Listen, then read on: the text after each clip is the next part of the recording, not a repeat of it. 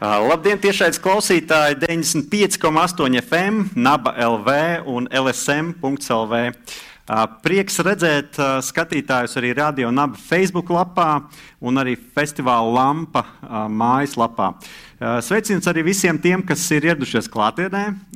Prieks, ka esat atraduši laiku un klausīsieties mūsu šeit uz vietas dzīvajā Latvijas Universitātes zinātņu mājā. Digitālās brokastis ir tehnoloģiju raidījums un podkāsts, kas piekdienu rītos skan tiešraidē 95,8 FM, Naba LV vai LSM.CLV. Ierakstu formātā ir dzirdams Naba LSM.CLV, podkāstu LV, Spotify, Apple podkāsts, Google podkāsts un visur, kur ierakstot digitālās brokastis, jūs varat saņemt savu iknedēļas tehnoloģiju ziņu devu. Prieks, ka ar tehnoloģiju starpniecību varam būt arī daļa no festivāla Lampa programmas. Jā, Tehnoloģijas attīstās neticami straujā ātrumā. Un ne tikai padara mūsu dzīvi vieglāku, bet arī slēpj daudz nezināmā. Tas nevien atrisina, bet arī rada daudz jaunu problēmu. Vai tu esi tehnoloģija pavēlnieks vai ķīlnieks? Kur ir robeža starp ieguvumu un zaudējumu? Atbildes uz šiem un citiem jautājumiem šodien meklēsim mēs, Radio Naba, rīta raidījuma Nabarīts vadītāji un arī es, podkāstu digitālās brokastis, viens no vadītājiem Rihards Blese, un ar mani kopā ir Kaspars. Un mēs kopā būsim šeit ar tehnoloģiju entuziastiem. Filips Lastovski, Delfi Plus redaktoru. Labdien! Labdien! Un, protams, arī Mārcis Auziņu, fiziķi un Latvijas Universitātes profesori. Labdien! Labdien! Jā, Google sabiedrības mobilitātes pētījums parāda, ka šajā pavasarī iedzīvotāji biežāk uzturējās mājās. Savukārt cilvēku plūsma restorānos, kafejnīcās un citās publiskās vietās samazinājās pat par 40% nekā tas bija tieši gadu iepriekš. Un, nu, cilvēki daudz laika pavadīja mājās, kas nu, bija kļuvuši par tādām digitālajām maisaimniecībām nereti. Un, cilvēki ar vien lielāku daļu savā brīvā laika pie, piepildu nu, un pavada attiecīgi digitālajā vidē un ar digitālo pakalpojumu palīdzību padara to labāku. Nesen veikta izpēte, ko veica Ernst Young, atzīst, ka gandrīz puse respondentu lieto internetu vairāk nekā agrāk, bet 38% norāda, ka lieto vairāk tieši sociālos mēdījus. Un nu, 36% atzina, ka arī lieto vairāk te televīziju. Jā, nu vienmēr sakot, ir, ir notikušas diezgan liels izmaiņas mūsu uh, digitālajā uh, nu, ikdienā, lietā, veidā, kā mēs patērē, patērējam digitālo saturu. Un, uh, nu, ir arī Uh, nu, teiksim, pieaug gan tas, cik mēs izmantojam dažādus jaunus rīkus, un uh, pieaug arī to rīku izmantošanu, ko mēs uh, nu, iepriekš izmantojuši jau esam. Un te es dažus datus varbūt pieminēšu. Um, Nu, piemēram, vairāk nekā puse no aptaujātiem respondentiem, tas ir pasaules mērogā, saka, ka viņi pirmo reizi izmantojuši vairāk nekā, nu, teiksim, vairāk nekā trešdaļa pirmo reizi izmantojusi dažādas video zvanu iespējas. 15% pirmo reizi ir izmantojuši iespēju iegādāties pārtiku internetā un, un tā tālāk. Tā joprojām. Gribēju uzreiz pajautāt jums, vai pandēmijas rezultātā mainījās arī kādi jūsu digitālajie paradumi un vai izmantojat kādus digitālus rīkus pirmo reizi? pieklājības pēc. Nevarējām saprast, kurš sāks runāt. Pirmkārt, jau labdien arī visiem portāla Delfi skatītājiem. Mums tiešraide ir arī redzama portālā Delfi. Un, nu, īsumā ļoti daudz kas nemainījās, bet pati pirmā un pamanāmākā lieta, ko mēs ikdienā jutām, droši vien ir ēdienu pakalpojumu servis. Vismaz manā gadījumā, manā mājsaimniecībā mēs to sākām izmantot ievērojami biežāk nekā pirms tam.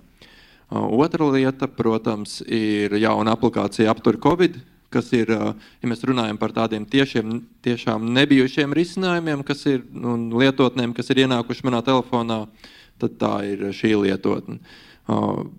Nu, protams, tās varētu būt tādas izteiktākās, pārējās ir tādas drīzāk kosmētiskas pārmaiņas. Mm -hmm.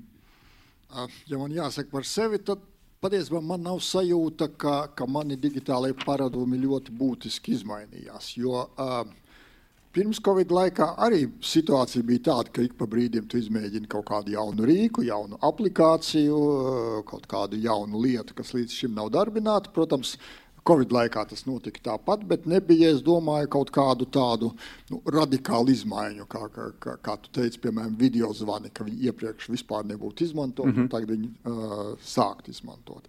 Es domāju, ka tas, kur, kur patiešām tā intensitāte pavisam noteikti pieauga, tas ir uh, tiešsaistē lekcijas, protams, universitātē. Kur bija ļoti daudz, manuprāt, interesantu uh, situāciju.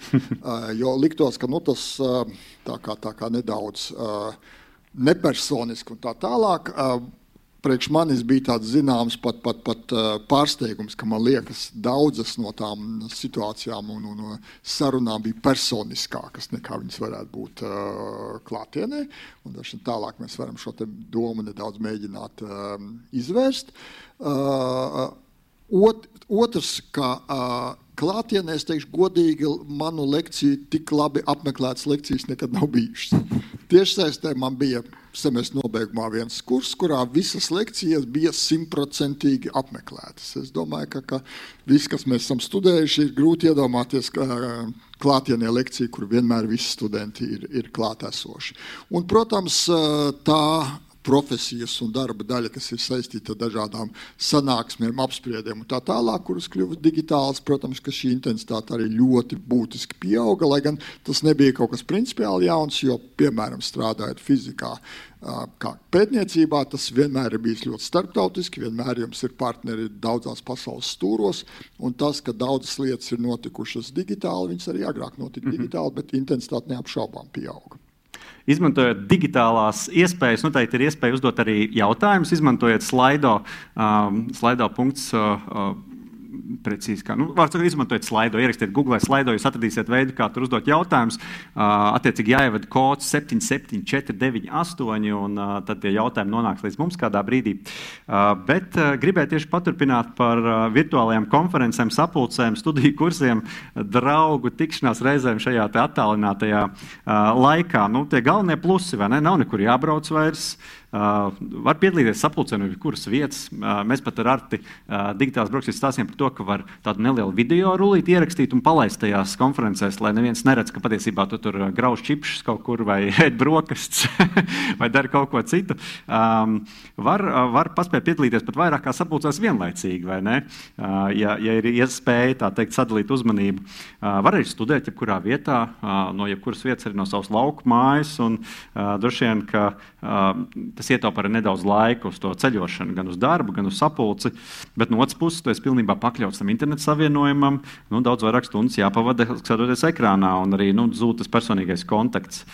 Nu, kāda, kāda ir bijusi jūsu pieredze šajā gadā ar pārēju uz virtuālo sanāksmu vidi? Ja drīkst uzreiz reaģējot uz pēdējo tēzi, ka pazūd personisks kontakts.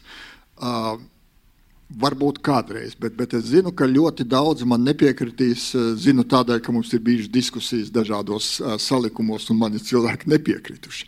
Bet man liekas, ka ir vesela rinda situāciju mm, no manas ļoti konkrētas personiskas pieredzes, ka personiskais kontakts iespējams ir tiešāks nekā klātienē, kas skan ļoti negaidīti bet man tam ir varbūt ļoti naivs un schematisks, bet tomēr skaidrojums. Tad, ja, piemēram, es klausos lekciju auditorijā, šeit arī zālē daži cilvēki sēž, jūs redziet mūs šeit, nezinu, 20 metru attālumā, tur tādus mazus cilvēciņus kaut kur priekšā pie, pie, pie, pie tāfels vai pie ekrāna un tā tālāk. ja jums ir tiešsaistes lekcija, jūs redziet lektora portretu, nezinu, viena metra attālumā, pa visu ekrānu. Patiesībā jūs viņu redziet, viņa, nezinu, mīmiku, žestus redziet daudz tiešāk nekā auditorijā. Bet tā ir tikai viena daļa. Otra daļa, tad, kad sākās diskusijas, un mēs ar jums diskutējam par kaut kādu lietu, teiksim, nezinu, par, par, par tēmu, lekcijas tēmu. Ja es gribu pateikt, piemēram, jums kaut ko skarbu, klātienē, nu, es tā kā drusku nobremzēju, nu, kā, kā es tā cilvēkam teikšu. Ja es saku to ekrānā, es varbūt brīžiem pat atļaujos tiešāk. Tas nenozīmē, ka es kļūstu tur nepieklājīgs, rupšs vai kā citādi, bet es atļaujos tiešāk pateikt kaut kādas lietas un patiesībā arī atbildes sagaidu tiešāk. Un man liekas, ka tā situācija, kad mēs sakām, ka tas nav tik personiski un nav tik labi, tas kaut kādā ziņā man gribētu saistīt drīzāk ar digitālām prasmēm. Tik ilgi, kamēr tā platforma, ar kuru mēs sazināmies, tur Zoom, Skype vai Teams vai jebkas cits, tik ilgi, kamēr tas aizņem kaut kādu manu prāta daļu, kura poga man tagad jānospiež, lai man būtu ieslēgts mikrofons, vai jūs mani patiesībā redziet, vai varbūt jūs mani nemaz neredziet, un tā tālāk. Tik ilgi, kamēr šis tā, tā digitālā platforma nav kļuvusi organiska, tik ilgi varbūt man tā, tā saruna īsti nevedās, jo man jādomā vēl par kaut kādām citām tehniskām lietām. Tanī brīdī, kad tā tehniskā puse vairs nav, uh, nu, tāpat kā mēs rakstām ar pildspalvu, mēs vairs nedomājam, kā jātur pildspalvu, vai viņa rakstīs un tā tālāk. Es vienkārši rakstu. Uh, varbūt, ja nedaudz vēl nelielu atkāpu atļaujoties, es esmu no tās paudzes, kas labi atceras, kad ienāca datori. Un mēs vienmēr akadēmiskā vidē esam radījuši tekstus. Un pirms tam teksti tika radīti ar roku, un pēc tam sekretāri, mašīnu rakstītāji viņu pārrakstīja. Un tagad bija iespēja uz datora tā kā uzreiz automātiski to darīt. Un sākotnēji labi atceros, ka, ka kad nezinu, pirmo kaut kādu laiku es rakstīju joprojām tekstu ar roku, jo man likās, tad mans prāts ir brīvs un viņš brīvi plūst. Es varu radīt labu tekstu, un pēc tam saliksim uz datoru, jo tas ir tehniski un tas traucē domāt.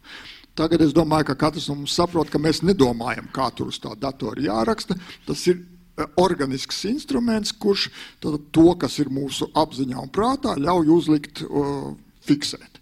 Un tādā brīdī, kad mūsu šīs digitālās platformas lekciju laikā, diskusiju laikā ir tikpat organiskas, kad es vairs nedomāju par šo, tad man liekas, ka tā tiešuma sajūta un iespēja ļoti precīzi komunicēt un ļoti labi viens otru uztvert, patiesībā nav, pavisam noteikti nav mazāka nekā klātienē. Un, un brīžiem kaut kādās situācijās varbūt pat ir, uh, ir kaut kāds papildus iegūms.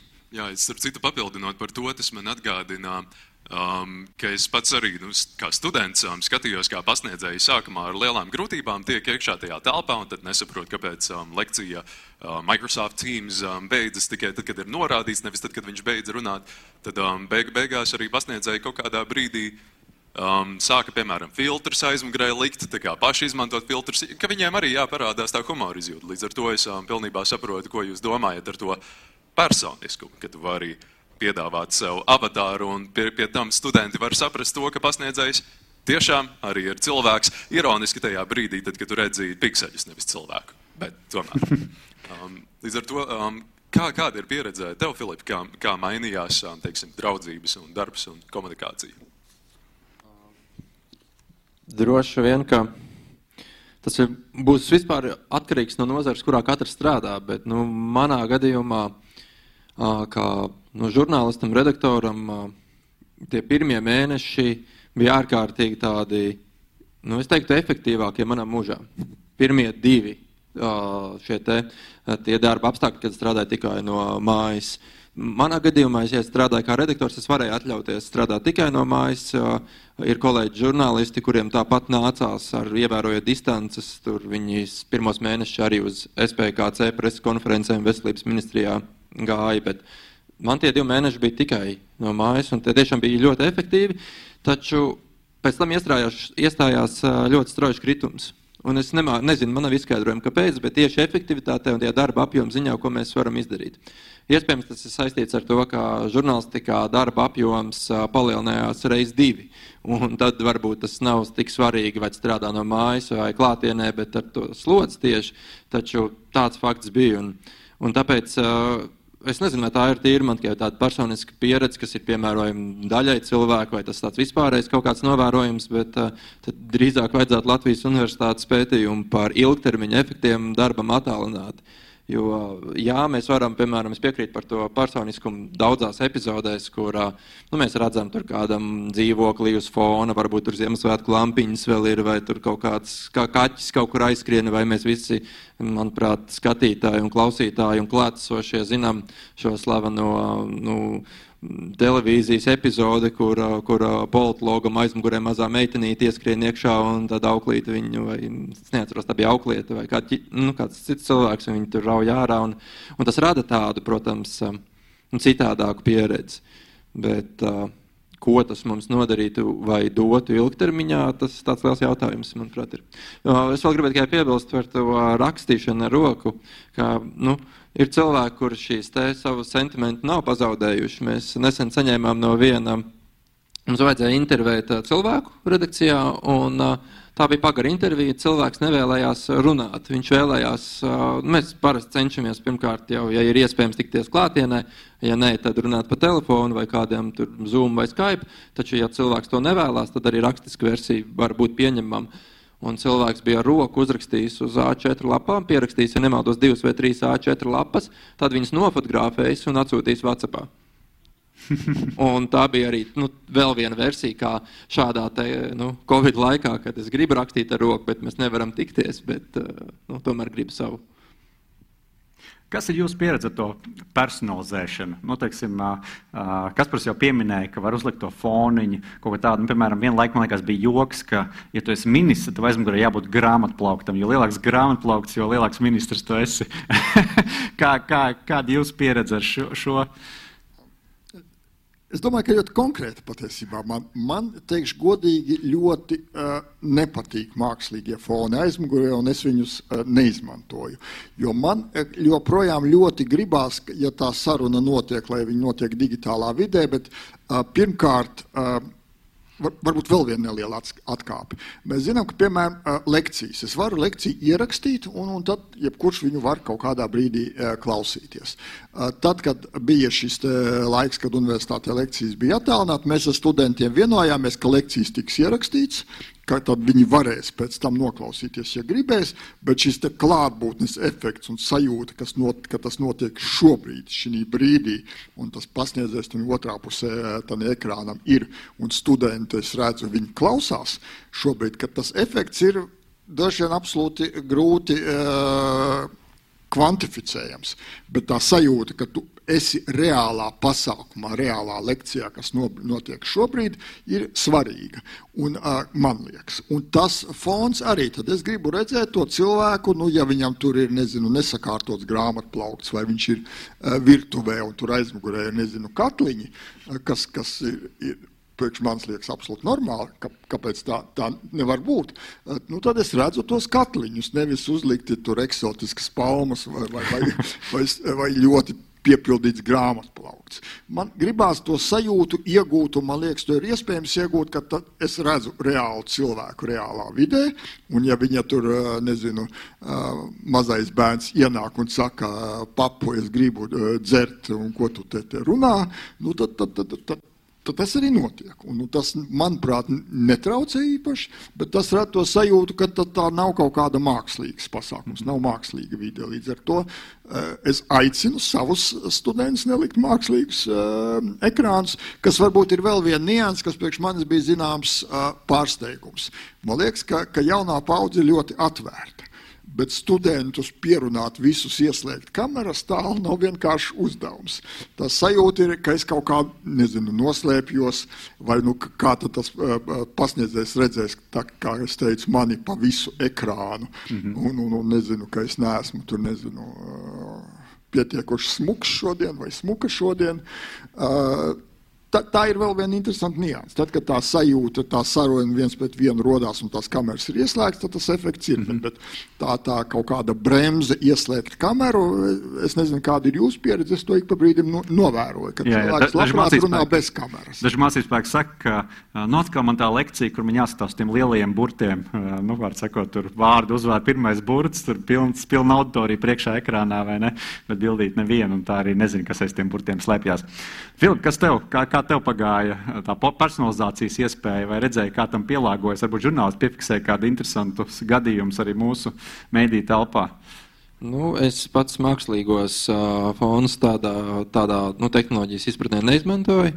Uh, nav tam vienkārši laikam, būtu vairāk laika, iespējams, būt paspēlējies kaut ko jau interesantu, bet nebija tāda īsta situācija un nejūt arī vajadzību. Es gan uh, secināju, ka man pašam bija personiski viena pieredze ar šādu citu veidu mākslīgu fonu un šo pašu piesākto grāmatplauktu, nu, ko jau, jau folklorā kā joks ir ar, šo, ar šīm te, nu, video tiešraidēm un sarunām un sanāksmēm. Un, uh, man bija kāda uzstāšanās tiešraidē pie cita mēdīja. Un, uh, Un man pie grāmatbloka mājās ir viena vieta, kuras var ērti iekārtoties, nolikt sev priekšā datoru. Es zem tā datora palieku tad citas kaut kādu palikni, uztaisu sev, ieslēdzu sev mazo lampiņu tā, lai ir apgaismojums, lai nu, var redzēt vispār cilvēku, kas tāds esi. Un, un tad es sākumā par to nepadomāju, un vienā brīdī piefiksēju, ka, ok, es paskatīšos, kas man tās par grāmatām aizmugurē ir, un uh, ko cilvēks redzēs. Un uh, tas notika, un man nedaudz, nu, man ir kauns to tagad bišķiņ tā teikt, bet tas tā bija. Uh, Un tad es ieraugu vienu autoru, par kuru es nelepojos, vienu Lat, nu, Latvijā esošu publicistu skandalozu, kurš mēdz sev saukt par žurnālistu, bet patiesībā ir tāds nožēlojams PR speciālists. Un es ieraugu, ka tā viņa grāmata man tur ir kaut kad uh, nokļuvusi un nonākusi. Un saku, nu, es ne, nu, negribētu, lai uh, reklamētu viņa vārdu, vai arī lai kāds redz, ka viņš tur ir. Un tad es tur pārkārtoju. Un tad man nākamais jautājums, ko ielikt vietā? Es sākumā domāju, ielikšu kaut ko vienalga.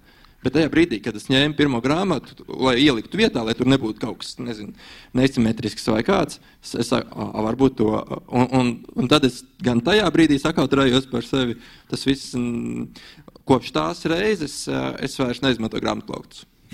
Tā kā, ja ir balts siena, ir balts siena, ja man ir dzīvoklī kaut kāda, nezinu, tur ģimenes fotografijas muguras, lai viņi tur ir. Un, nu, protams, ir, manuprāt, kaut kāda lietas etiķeta attiecībā atkarībā no tā, ar ko tu runā, bet lielākoties, nu, 95% gadījumu tas uh, Katliņš to neko neizdarīs. Un tā ir viena no manām mācībām, ko es guvu šajā mm, visā pasākumā. Starp citu, vēl um, turpinot par darbošanos attālināti, kā sanāk, um, vai jūsu pieredzē um, tā, tas, ka jūs nonācāt tajā digitālajā vidē, uh, um, ka jūs tos rīkus pielāgojāt tā, lai realitāte atgādinātu to, kāda tā bija iepriekš. Proti, ka jūs pielāgojāt esošajai situācijai un turpinot, turpiniet visu pa vecam ar jaunajiem rīkiem, vai jūs no jauna atklājāt to, kā var darboties un strādāt?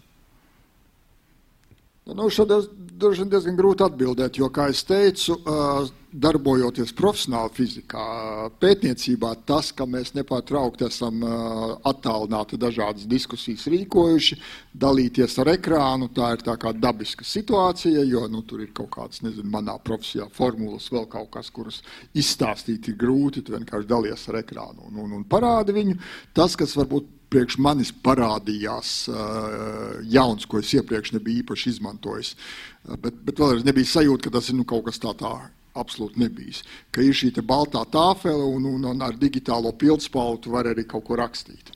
Uh, jo, Nu, tā, tas ir kaut kāds profesionāls nianses, bet fizikā man vienmēr licies, ka, ja man ir kaut kādas, tas, ko mēs sakām, izvedums, kas ir stāsts, kas ir jāveido, ka tu PowerPointā ielikt gatavas formulas un viņas nokomentēt, mm. pirmkārt, nav pareizais temps, jo, jo, jo, ja tu raksti ar roku, tad tas temps ir tāds kā, kā, kā, kā stāsta daļa, un studentiem ir to daudz vienkāršāk uztvert. Līdz ar to tas, kas man pietrūka digitālās lekcijās, iespēja rakstīt uz tāfeles.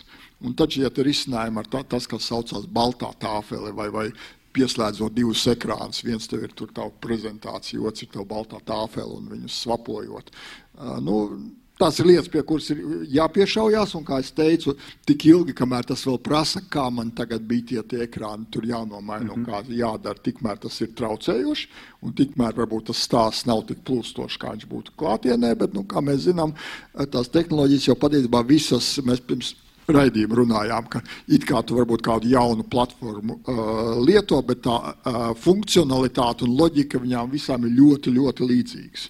Līdz ar to uh, nav tā, tā ka tu, tu sāc kaut ko absolūti, ap, apgūt absolūti no nulles. Nu, bet, protams, sākotnē tā, tā, tā piešaušanās, latviski sakot, kaut kādu laiku paprasa. Nu, Dēlā redakcijas darbā mēs regulāri intervējam cilvēkus no citām valstīm attālināti. Tā video saruna ir pierasta. Uh, Protams, tā intensitāte tas ir pilnīgi cits jautājums, un, protams, ka tas ir, nu, visiem ir kaut kas nebijis ne tikai Latvijā, visur, visās nozarēs un jomās, nu, gandrīz visās. Un, um, tas varētu būt jautājums arī par mediju formātiem, un, ja, piemēram, portālā, portālā gadījumā tā ietekme ir nedaudz mazāka, bet ir, tad, piemēram, nu, rādio, piemēram, Latvijas Rādio 1 raidījums krustpunktā, kas ir ļoti intensīvs, intensīvi notiek katru dienu, darba dienu, uh, Tad viņiem ir bijusi situācija, kur uh, vadītājs Aidis Tomsons ir studijā. Uh, viņi saslēdzās ar uh, viesiem, kas ir Skype. Uh, un paralēli tam šis moderators vada diskusijas starp šiem viesiem un cilvēku, kuru viņš ir tikko sazvanījis pa telefonu, kā ierasto telefonu. Un tad tā saruna notiek starp viņiem trijiem. Un, uh, tas ir pilnīgi kaut kas izaicinošs. Un, protams, mēs to darītu regulāri, mēs pierastu, bet tas vienkārši neizklausās gudri un efektīvi tā, tā darīt. Bet ir situācijas, kur tu vienkārši šajā gadījumā mēdīs nonāca tādā situācijā, ka tā bija vienīgā izēja, jo cilvēks tikko izskrēja no ministra kabineta vai kādas sēdes, viņam vienīgā iespēja bija fiks piezvanīt. Jā. Pārējie atkal ir ar tā kā video formāts, ir video. Un, un tur rodās tādi pamatīgi izaicinājumi, un visi mēdī no šī, nu, manā no pārstāvētajā nozarē ir mācījušies, manuprāt. Mēs arī digitālās brokastīs, ap citu, pirmo pusotru mēnesi kopš ārkārtas stāvokļa izsludināšanas, viens cilvēks bija uz vietas studijā, un nu, es biju mājās, un tur vispār arī tika pieslēgts ar zvaniem. Un, tas tiešām bija jauns pavērsiens, jo pēc tam, piemēram, dodoties atvaļinājumā, nu, vai nu uz laukiem, vai varbūt arī kaut kur uz tuvajām ārzemēm, arī nekāda problēma. Raidījums notiek, jo vienkārši tur pieslēgties no jebkuras vietas pasaulē, principā. Um, Nu, tad man tāds rezumē jautājums, kā jūs redzat sevi? Mēs droši vien visi četri varam atbildēt. Vai mēs esam attiecībā uz, tām, uz to virtuālo saziņu, vai mēs esam tehnoloģiju pavēlnieki, vai tomēr joprojām jūtamies kā ķīlnieki? Vai mēs esam tie, kas saka, es protu visas tās lietas, vai arī esmu tas, kurš sapulcēs parasti saka, vai jūs man dzirdat, vai jūs man dzirdat, vai jūs man redzat? Nu, tad um, pārmaiņas pēc var sākt es. Um, bet es jūtos drīzāk kā tehnoloģija pavēlnieks, jo um, Mauziņš norādīja ļoti precīzi, ka ir tas brīdis, tad, kad tu pierodi pie kaut kā, un tas kļūst kā spieķis. Um, spieķis vienkārši kļūst par tava ķermeņa daļu, tu nedomā par to, tu vienkārši ar to kusties. Un tāpat ir arī ar tehnoloģijām. Tu tās neredzi, tu vienkārši zini, ko kā izdarīt, tu zini, ko kā nokomunicēt, un tā ir tiešām brīnišķīga lieta kuru ir jāiemācās. Um, un vēl viena būtiska no, uh, lieta ir tā, ka ar tehnoloģijām tu vari izdarīt lietas, kuras nevar izdarīt klātienē. Teiksim, uztaisīt, nezinu, digitālu līmlapiņu sienu, kur tu vari salīmēt miljardus līmlapiņus, un viss ir kārtībā, un tu nebūsi iztērējis nevienu koku, un um, novadījis idejošanas sesiju kā, um, par excellence, un tev pēc tam arī pat nebūs tas viss jā, jādigitalizē. Tās ir milzīgas priekšrocības, ko mums sniedz ar tikai dažiem mīnusiem. Tehnoloģija pavēlnieks ļoti labi. Filip, ko tu saki? Uh, nu, pirmkārt, es, man, man gribētos teikt, ka es tur pavēlnieks vienkārši labi izklausās. Un, ne, nebūtu moderni. Cik, teikt. cik vēl tev ir iespējas mūžā izteikt šādu frāzi, lai tas būtu politkorekti un nevienu neaizvainot? Pamēģini. Bet uh, šo opciju un šo vispār situāciju, kurā man ir jādarbojas ar dažādām tehnoloģiju platformām, nosaku nevis es pats, bet to nosaka pandēmija. Tāpēc a priori es vienkārši esmu uh, ķilnieks, jo tā nav mana izvēle. Es esmu spiests mācīties. Tajā brīdī jau oh, aizmirstam labi par to. Nu, pandēmija, pandēmija. Mēs izliksimies, ka mēs vienkārši dzīvojam esošajos apstākļos tādi, kā tie ir, un protam vai neprotam. Teiksim, ka protam. Bet interneta pieslēgums regulāri var pievilt. Un tajā brīdī, kad tev ir tiešais intervija, kāds serveris var nobrukt, tīklam var pazust zonu, ja varbūt tu intervē cilvēku, kurš ir, nezinu, Latgalē laivu braucienā ezera vidū, to no zonu. Un tu esi izdarījis visu, cik vien labi varēji. varēji. Tu esi sagatavojies, tu esi izdarījis savu mājas darbu, un, un intervijai jābūt, jānotiek. Bet viņi nenotiek. Un es to nevaru ietekmēt, un es esmu ķīlnieks šajā gadījumā no telekomunikāciju pakalpojumu sniedzēja, sniedzēja perspektīvas. Nu, tad es varu skatīties trešajā līmenī, nu, vai es esmu tiešām izdarījis visu, ko es varēju izdarīt. Nu, tad, uh, tas patiesībā, manuprāt, ir nu, nosacīti viegli. Uh, ieguldot nedaudz laika, mēs tiešām pierodam arī, kā, jau, kā profesors Auziņš minēja, ka mēs vienkārši iestam to roku ar vien vairāk un vairāk. Mārcis. Man ir grūti atbildēt, jo es kaut kā šādās kategorijās neesmu par to domājis. Man liekas, ka tā digitālā vide vienmēr ir bijusi daļa no mūsu dzīves. Es domāju, ka mēs no viņas ļoti daudz ko iegūstam. Man nav sajūta, ka, ka man viņa apgrūtinātu dzīvi vai būtu bail no viņas.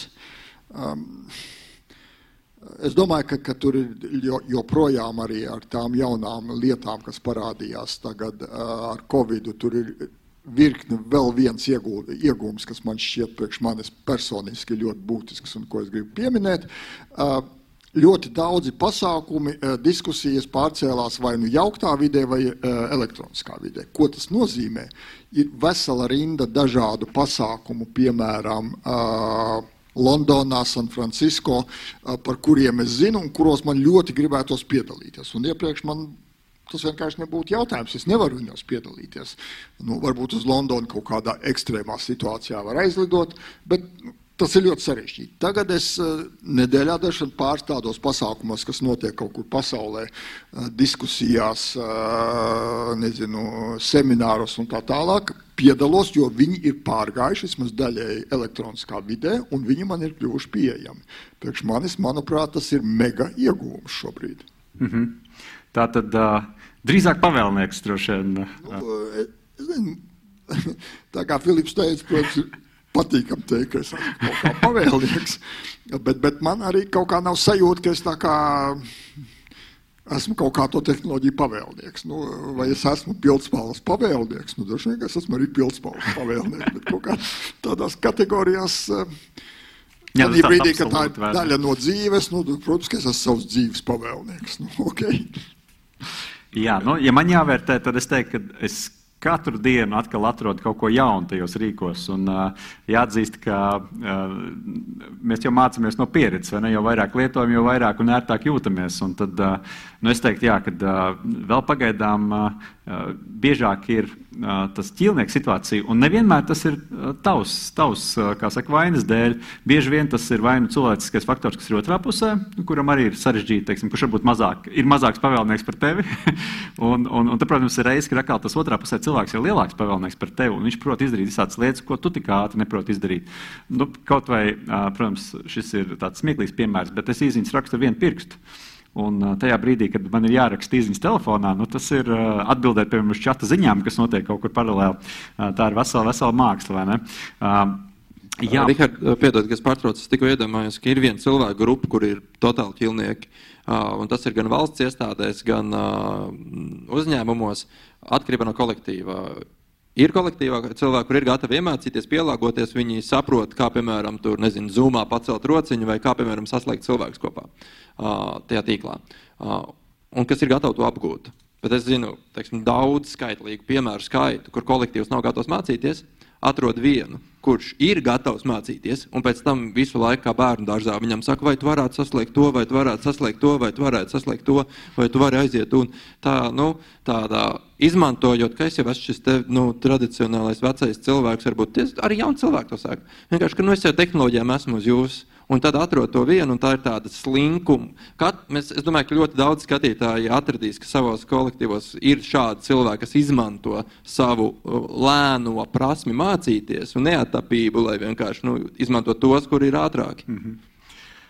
Labi, parunāsim par otru dzīves pusi. Šis bija vairāk sapulces, nu, tādas, es teiktu, vairāk darba, darba lietas iespējams. Gribu parunāt par mājas lietām. Nu, ēdienas, viena lieta, iepirkšanās, kas tad vēl mums varētu būt kaut kādi nu, Palīgi. maksājumi, kas jānopēr, jāizdara vai nē, nu, ar bankām kaut kas jāskārto. Nu, tādas lietiņas, ko mums ikdienā ir jādara. Kādas izmaiņas tur redzat savā dzīvē, vai kaut kas ir mainījies, vai varbūt kaut kas sabiedrībā ir mainījies? Kā, kā vērtēt? Uh. Es domāju, ka, ka iepirkšanās uh, digitālā vidē, es teikšu, tā priekš manis tā vienmēr ir bijusi noteikta uh, dzīves daļa. It sevišķi kaut kādās lietās, nu, es teiktu, ka, ka uh, 90% grāmatas pērk Amazon.com. Uh, tā vienkārši ir iegājies. Un, uh, kaut kādu brīdi dzīvojot Amerikā, mēs saprotam, ja zinām, ka tur patiesībā šī iepirkšanās digitālā vidē ir nu, absolūta dzīves sastāvdaļa. Priekš manis tāds viens kultūras šoks bija, ka es kārtīgi reiz atbraucot uz Berkliju, man vajag flash atmiņu, es saku, kur te nu, universitātes pilsētiņa, kur es varu, kur ir grāmatbodi, kur es varu nopirkt flash atmiņus. Man, man saka, klausies, nav mums vairs grāmatbodas. Viss notiek digitālā vidē, ja tu ļoti gribi ātri, pēc divām stundām par nelielu samaksu tev piegādās mhm. Amazon.com.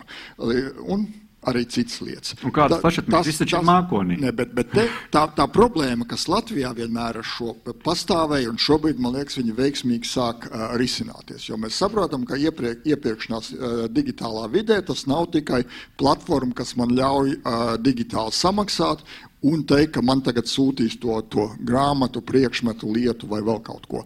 Man viņa šī pusē ir jāsaņem. Ir jābūt pastam vai kaut kam citam, caur ko es viņu saņemu. Un mana pieredze ar pasta pakalpojumiem līdz Covidam bija patiesībā ļoti uh, negatīva. Jo ir situācijas, kad jums Latvijas pasaka, šitā ir bandrole, to mēs mājās nepiegādājam, lai gan tā ir A4 formāta aploksni, jums ir jānāk uz pastu un, un jāņem līdz dokumentus, un tad vēl, uh, mēs zinām, autovadītāja apliecību Latvijas pasts neņem pretī, tad tā kā sanāk Rio multfilmā saka, jums ir uh, paciņa, bet mēs jums viņu neatdosim. Uh, un, uh, bet, bet tas šobrīd ir mainījies. Es droši vien, ka es varbūt nenosaukšu pastu kompāniju vārdā, jo ka tik tur kādam nesanāk nepatikšanas. Uh, jo tad ir viena kompānija, kur regulāri man piegādā, tā skaitā no manas pieminētā Amazon, kur kurjērs jau labi zina manu telefonu, un man blakus mājā ir uh, kafejnīca. Un viņš jau man tagad zvana un īsi prasa, jums uz mājām vai atstāt kafejnīcā. Kā likums es saku, atstāt kafejnīcā. Jo tad es zinu, ka tur tā vienmēr strādā. Tur man ir uh, labi paziņas, pie kuriem es zinu, ka es vienmēr to varēšu saņemt. Un šis ir servis, kurš saka, tas man to padara jau absolūti ērti. Tik ilgi, kamēr es uh, pasūtot šīs lietas internetā, nezinu, kā es viņus dabūšu. Man būs uh, sarežģīti, būs jāiet kaut kur pakaļ. Un, un, un, un, un, un vēl jautājums, vai, vai tajā brīdī tas pats strādās un tā tālāk.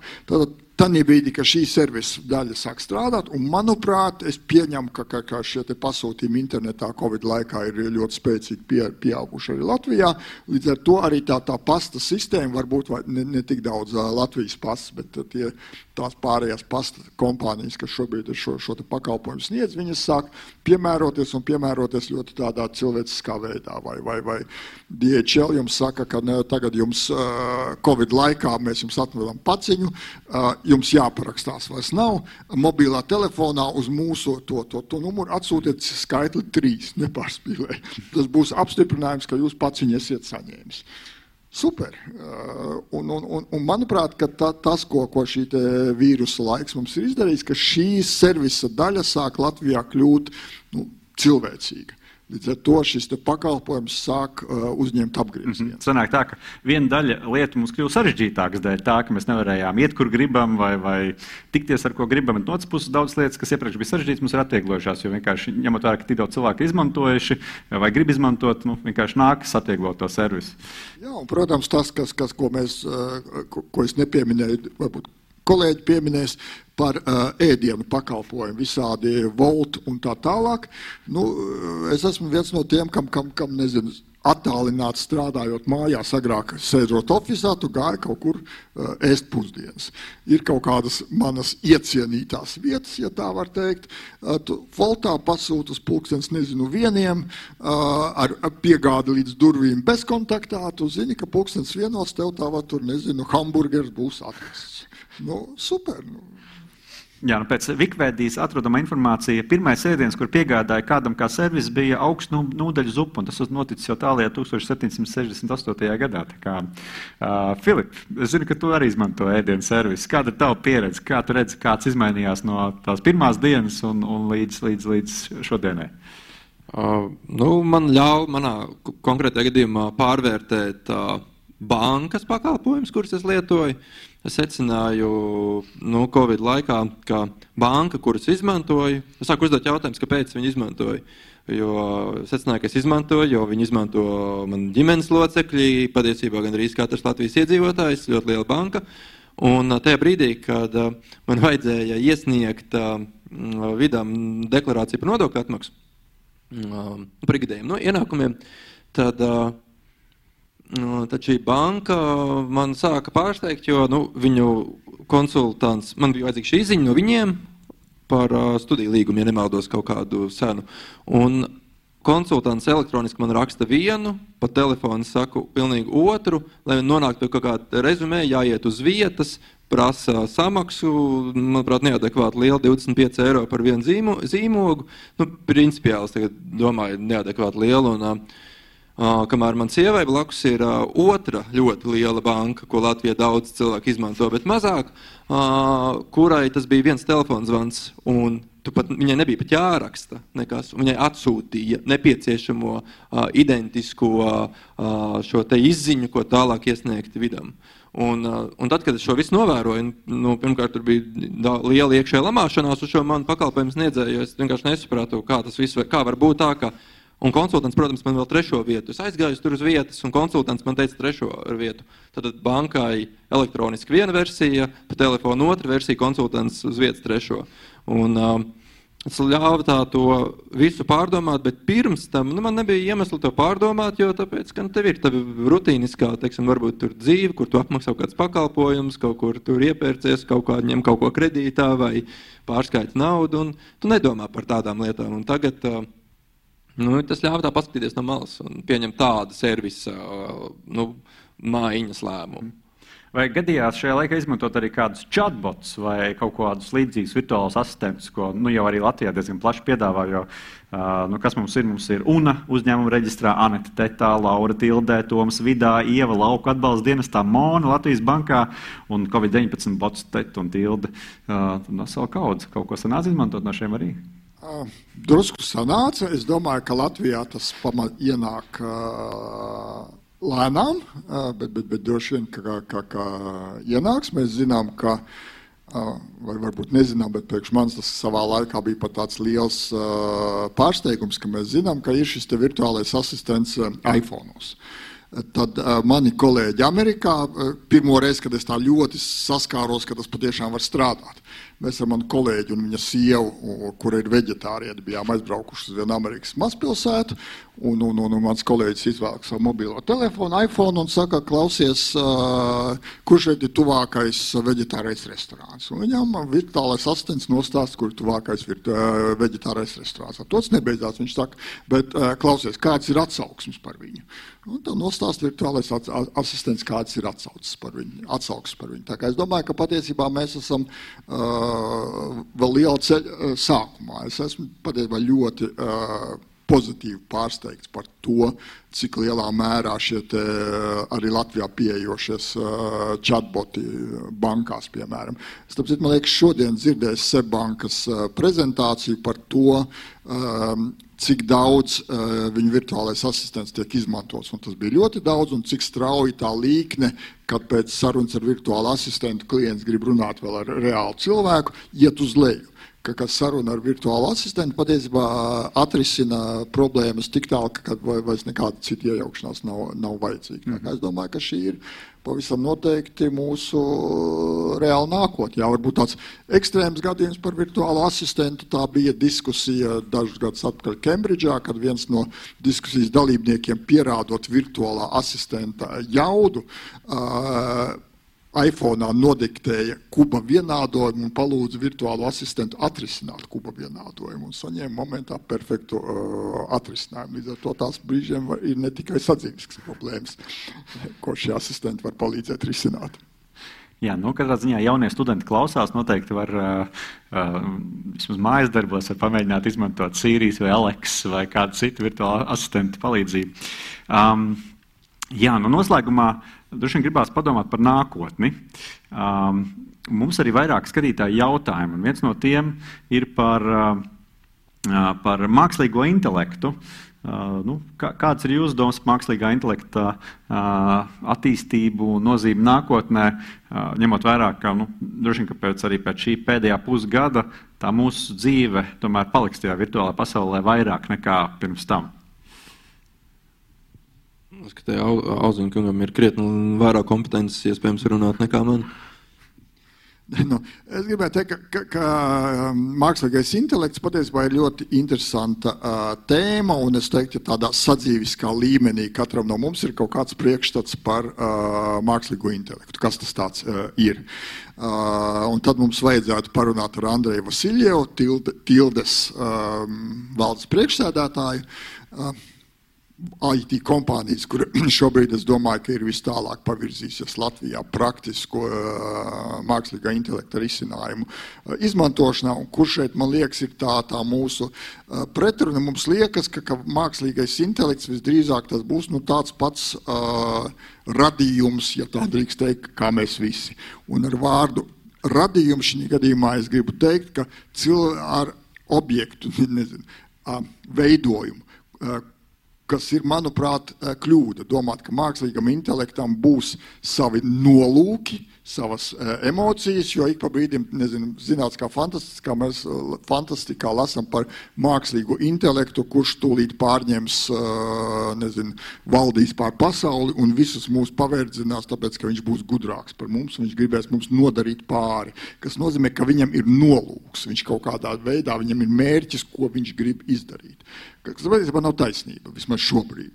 Un es domāju, ka arī pārskatāmā nākotnē nebūs. Mākslīgais intelekts ir absolūti, kā lai to saka, advancēta uh, datorprogramma, ja jūs gribētu, droši labāk teikt, datorsistēma, kura daudz efektīvāk, precīzāk var ieraudzīt kaut kādas likumsakarības, kuras varbūt mums ir paslītējušas garām, kuras spēj analizēt milzīgus datu apjomus, ieraudzīt šīs datu apjomos kaut kādas struktūras, kuras mēs um, nesam spējuši pamanīt vai nesam varējuši pamanīt. Un šādā nozīmē es domāju, ka, ka, ka, ka mākslīgais intelekts ir absolūti jaudīgs uh, instruments, bet, bet mums nav, kā lai to saka, draudu, uh, ka viņš tūlīt uh, uzkundzēsies un sāks mums darīt pāri. Lai gan potenciāli draudi, kā citā nozīmē, kā jebkurā datorsistēmā, pastāv. Pastāv da, draudi, kad mēs viņu veidojot kaut ko esam nepareizi ieprogrammējuši. Varbūt varbūt neesmu piemērs, bet man liekas ļoti uh, laba ilustrācija šim. Uh, vienā no Dena Brauna romāniem, es precīzi neatceros, kā viņš pēdējais saucās, bet tur bija uh, virtuālais asistents, kuru viens ļoti bagāts biznesmenis bija izveidojis, un virtuālais asistents viņu beidzot nogalināja bet nogalināja nevis tāpēc, ka viņam bija ļauni nodomi pret šo cilvēku, vai viņam bija kaut kāds nepatika pret šo cilvēku izveidojusies, bet viņam bija ļoti precīzs algoritms. Šis viņa saimnieks bija neglābjami slims, viņam bija atlikusi dzīvot tur nezinu, daži mēneši, un virtuālais asistents izreikināja. Viņa uzdevums bija minimizēt zaudējumus un maksimizēt ieguvumus reklāmas veidā. Un viņš izreikināja, ka nu, šī cilvēka nāve patiesībā pēc viņa absolūti bezskaislīga algoritma būs mazāks zaudējums nekā tas ieguvums, ko viņa nāve radīs publiskā telpā, publicitāti un tā tālāk. Līdz ar to tas nebija ļauns virtuālais asistents vai mākslīgais intelekts, bet mākslīgais intelekts, kurš bija nepareizi ieprogrammēts. Viņam nebija pateikts, ka, ka nu, viņa izgudrotāju saimnieku nogalināt nedrīkst nekādos apstākļos. Jā. Viņš bija izreikinājis, ka viņam, viņa svaru funkcijās zaudējums uh, ir mazāks nekā iegūms. Lai to zīmogu pasauli mazliet uh, nu, pietuvinātu nelielai realitātei, tad es atgādināšu, ka, manuprāt, pirms gada vai diviem Facebook bija tas gadījums, kad viņiem divi mākslīgā intelekta uh, objekti savā starpā sāk sarunāties. Kā rezultātā viņi noslēdz šo, protams, tā bija kaut kādas kods un simbolu zīmes, ko, uh, ko Facebook darba no šie speciālisti uh, nespēja atpazīt, bet viņi spēja identificēt, ka tur ir uh, nu, pat no, kāds patērns, kurš vienkārši to nos, nu, kurš atkārtojās konkrētā, ar konkrētu to atstatumu un ka tam ir kāda savstarpēja tā sarunas iezīme. Un, uh, kopš tās reizes tik liela, varbūt tāda nu, nedaudz skandaloza gadījuma neesmu dzirdējis, bet uh, bet tas toreiz lika aizdomāties, um, lika aizdomāties par šādu iespējamību, protams. Man liekas, tā, tā lielāka bažas šajā gadījumā būtu nevis tādi, nu, nu, iespējams, tā vispār bija PR kampaņa kompānijai, mēs to nezinām. Lielākas bažas, te, manuprāt, ir par autoritīviem režīmiem un to, kā tādas valsts kā Ķīna šos mākslīgā intelekta risinājumus izmanto, lai kontrolētu iedzīvotājus. Un šajā gadījumā mēs jau zinām par šīm te, kā Ķīna, kādas investīcijas iegulda, lai kameras uh, Uh, izvietot pa visu valsti, kas atpazīst, atpazītu tūlīt iegūtu datus, un kā viņi šos, šīs sistēmas arī eksportē uz reģi, Centrālāzijas reģionu valstīm jau šobrīd, un arī uz nu, režīmiem līdzīgām valstīm Dienvidamerikā. Un uh, šādas prakses uh, izplatīšanās šķiet šobrīd, man, manuprāt, mākslīgā intelekta lomā ir nu, patiesi lielākais, lielākais drauds. Mhm. Jā, bet draudz nav tas pats mākslīgais intelekts, bet ir tie cilvēki, kas viņu programmē, kas domā, ko ar viņu darīt. Un, protams, kā jebkura tehnoloģija, var tikt izmantota cilvēku labā, var tikt būt nezinu, enerģijas iegūšanas veids un varbūt atombumba. Mhm. Un šeit es domāju, ka ļoti līdzīgi. Nu jā, tas jautājums arī, kādas vērtības mēs ieliekam tam, tam mākslīgajam intelektam, kas ir pareizs un kas nepareizs, kas labs, kas ļauns. Vēl klausītāji un skatītāji jautā par mūsu paradumu maiņu digitālā mēdīju satura patērēšanā. Jo, nu, kā saka, ir, ir tiek runāts par to, ka cilvēki vairāk patērē digitālo saturu, ziņas, bet vienlaikus tas, tas ir arī labs avots, kur darboties nu, dažādu nepatiesu ziņu izplatītājiem. Nu, kāda varbūt ir jūsu pēdējā pusgada pieredze un kas varbūt Latvijā ir mainījies un, un, un kas varbūt ir interesantākie gadījumi? Filips, tev noteikti ir, ņemot vērā, ka tu arī ar faktu-checkingu, jeb ar faktu pārbaudi nodarbojies arī sociālajos tīklos. Tev noteikti ir kāds stāsts par šo.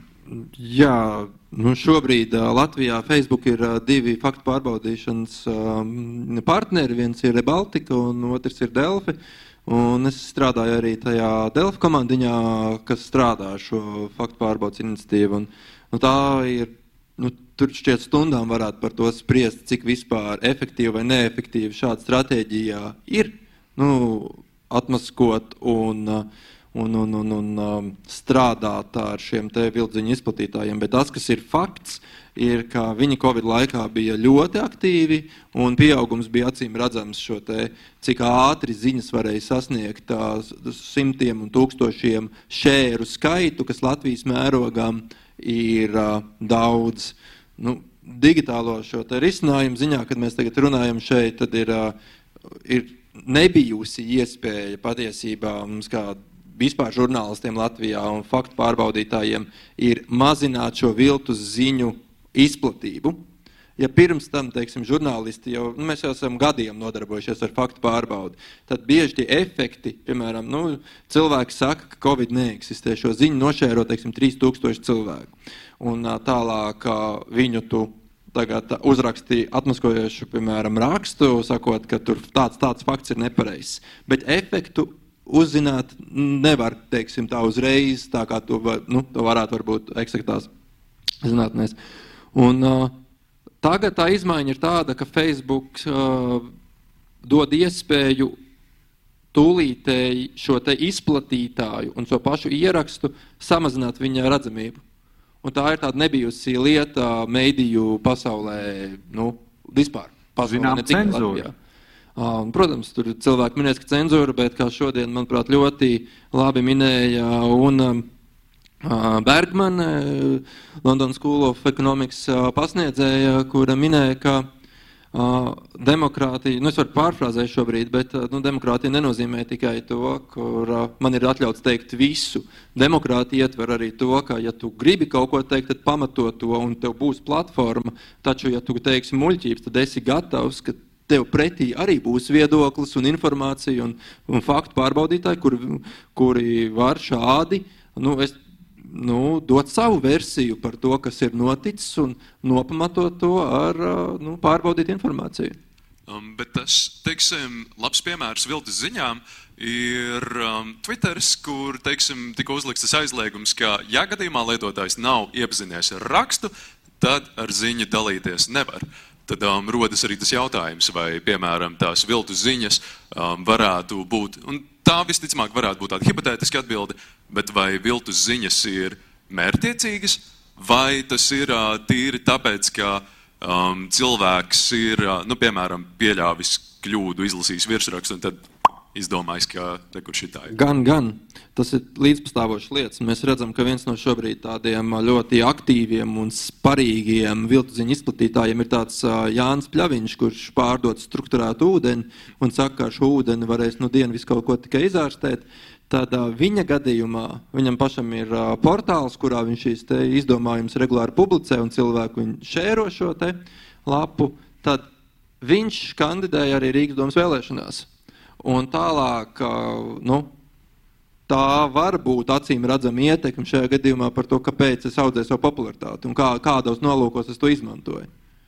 Un, protams, es šobrīd nevaru to pierādīt, ka viņš ir, piemēram, savu visu to viltu ziņu impēriju un tos savus visas uh, uh, nu, struktūrētā ūdens lietas darījis, lai teikt, vienā brīdī ies, iesoļot politikā, taču uh, tas ir bijis viens no līdzekļiem, lai vispār kāds par viņu nobalsotu. Nu, ņemot vērā to balsu skaitu, man liekas, par to partiju tur neatceros. Jā, tā ir starp citu tāds labs uh, atgriešana realitātē, jo viņa konkrētā partija ieguva ap 500 balsīm. Tā kā tev var būt tūkstošiem šēru Facebookā, bet uh, tie brīdī, ka tie cilvēki, kuri apzinās, ka iet balsot un iet balsot, viņi tomēr vērtē informāciju kritiskāk, acīm redzot. Mm -hmm. Nu, pavisam noslēgumā, ņemot vērā, ka mums palikuši burtiski liekas, 3 vai 4 minūtes. Nu, kā jūs domājat, kas būs būtiskākās izmaiņas tuvākajā desmitgadē, ņemot vērā nu, šīs dienas notikumus, nu, pēdējā pusgada notikumus? Jāpadomā. Visi. Nu, kā, nu, viena lieta, piemēram, kas tavuprāt būs galvenās izmaiņas tuvākajā desmitgadē. Nu, es varu vienu, ko es skaidri varu pateikt, ko es apzinos, tāpēc, ka es strādāju tur, kur es strādāju, ir tā, ka komercmediju nozīme ir pilnībā mainījusies. Tā ir sabiedrība, nu, tās auditorijas pieaugums, kas mums ir bijis Covid laikā, ir milzīgs. Un, un, un, un mēs visu laiku strādājam ar šo informāciju. Un, un darbā ar valsti nu, mēs redzam, ka arī valsts ar vien vairāk vairāk saprot, ka lai šādas krīzes pārvarētu un lai stiprinātu vispār to sabiedrības informētību valstī, ir jāatbalsta ne tikai sabiedriskie mēdīji, uz ko bieži mēs esam tādā aizgājuši tādā senā dziesmiņā, ka, nu labi, sabiedriskiem kaut ko iedosim, komercmēdīji tur paši lai ņemās, taču tajā izpratnē politiskā vide, manuprāt, aug. Un saprot, ka jāst, lai vispār būtu šī izglītotā sabiedrība un tāda sabiedrība, kas zina, ka, ko tas pļaviņš tu šēro, ka ir jāatbalsta dažādi mēdīji. Un tā lieta, manuprāt, varētu mainīties nākotnē pēc Covid, jo viņi iedevis pamatīgi piemēru, kāpēc cilvēkiem ir jāiegūst kvalitatīvu un pārbaudītu informāciju. Mm -hmm. Nu, lai viņi kļūst arī par tehnoloģiju pavēlniekiem, nevis ķīlniekiem šajā gadījumā. Jo.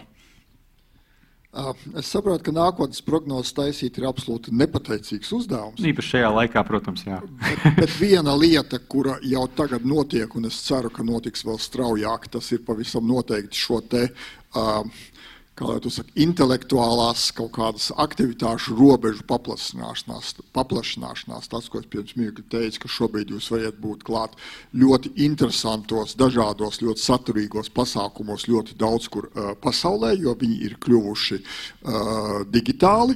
Un tam patiesībā ir viens, uh, es neteiktu risks, bet tam ir viens diezgan liels uh, izaicinājums.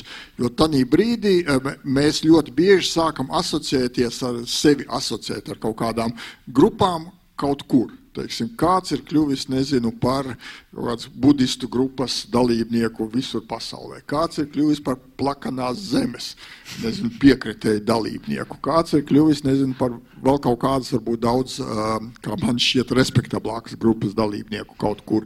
Un tad brīdī šeit, Latvijā, mēs kaut kādā brīdī man liekas, ka tas potenciālais izaicinājums ir brīžiem, mēs varbūt sākam mazāk just piederību šai vietai, šai videi, šai sabiedrībai, jo, jo me, tā, tā mūsu kaut kāda nezinu, līdzdalība rodās saistībā ar kaut kādām citām grupām. Tur ir milzīgi iegūmi, bet es domāju, ka tur ir arī kaut kādi uh, riski, jo, jo nu, dažiem, ka katrs mēs saprotam, ka mēs dzīvojot Latvijā, gribam, lai, lai šī vide saglabājās, lai mūsu piederība Latvijai saglabājās šai zemē, šai tautai un tā tālāk. Un, un, un te, te ir izaicinājumi. Es neteikšu riski, bet izaicinājumi pavisam noteikti. Mm -hmm. nu, jā, vienādi sakot, viss pasaule kļūst par vienu mazu uh, ciematu, kur katrs var piekļūt uh, nu, saka, citiem cilvēkiem visur citur mm, apkārt zemeslodē. Um, jā, nu tad. Uh, Paldies šodien par šodienas diskusijas dalībniekiem, Filipam Mostovskim, Delfus redaktoram, kā arī Mārcim Auziņam, protams, Latvijas universitātes profesoram, fiziķim. Uh, un, Gribu teikt arī paldies visiem tiešsaistes uh, sekotājiem, gan uh, radio tiešraidē, uh, radio naba, gan arī, protams, uh, lampas un arī, protams, radio naba visos sociālo tīklu kontos. Noteikti turpinam sekot līdzi radio nabas aktivitātēm un arī, protams, festivāla lampa aktivitātēm uh, tiešsaistē un arī, kur iespējams, klātienē. Un, nu, vēlu jums izdevušos vakaru un lai jūs būtu tehnoloģiju pavēlnieki, nevis to ķīlnieki. Paldies! Radio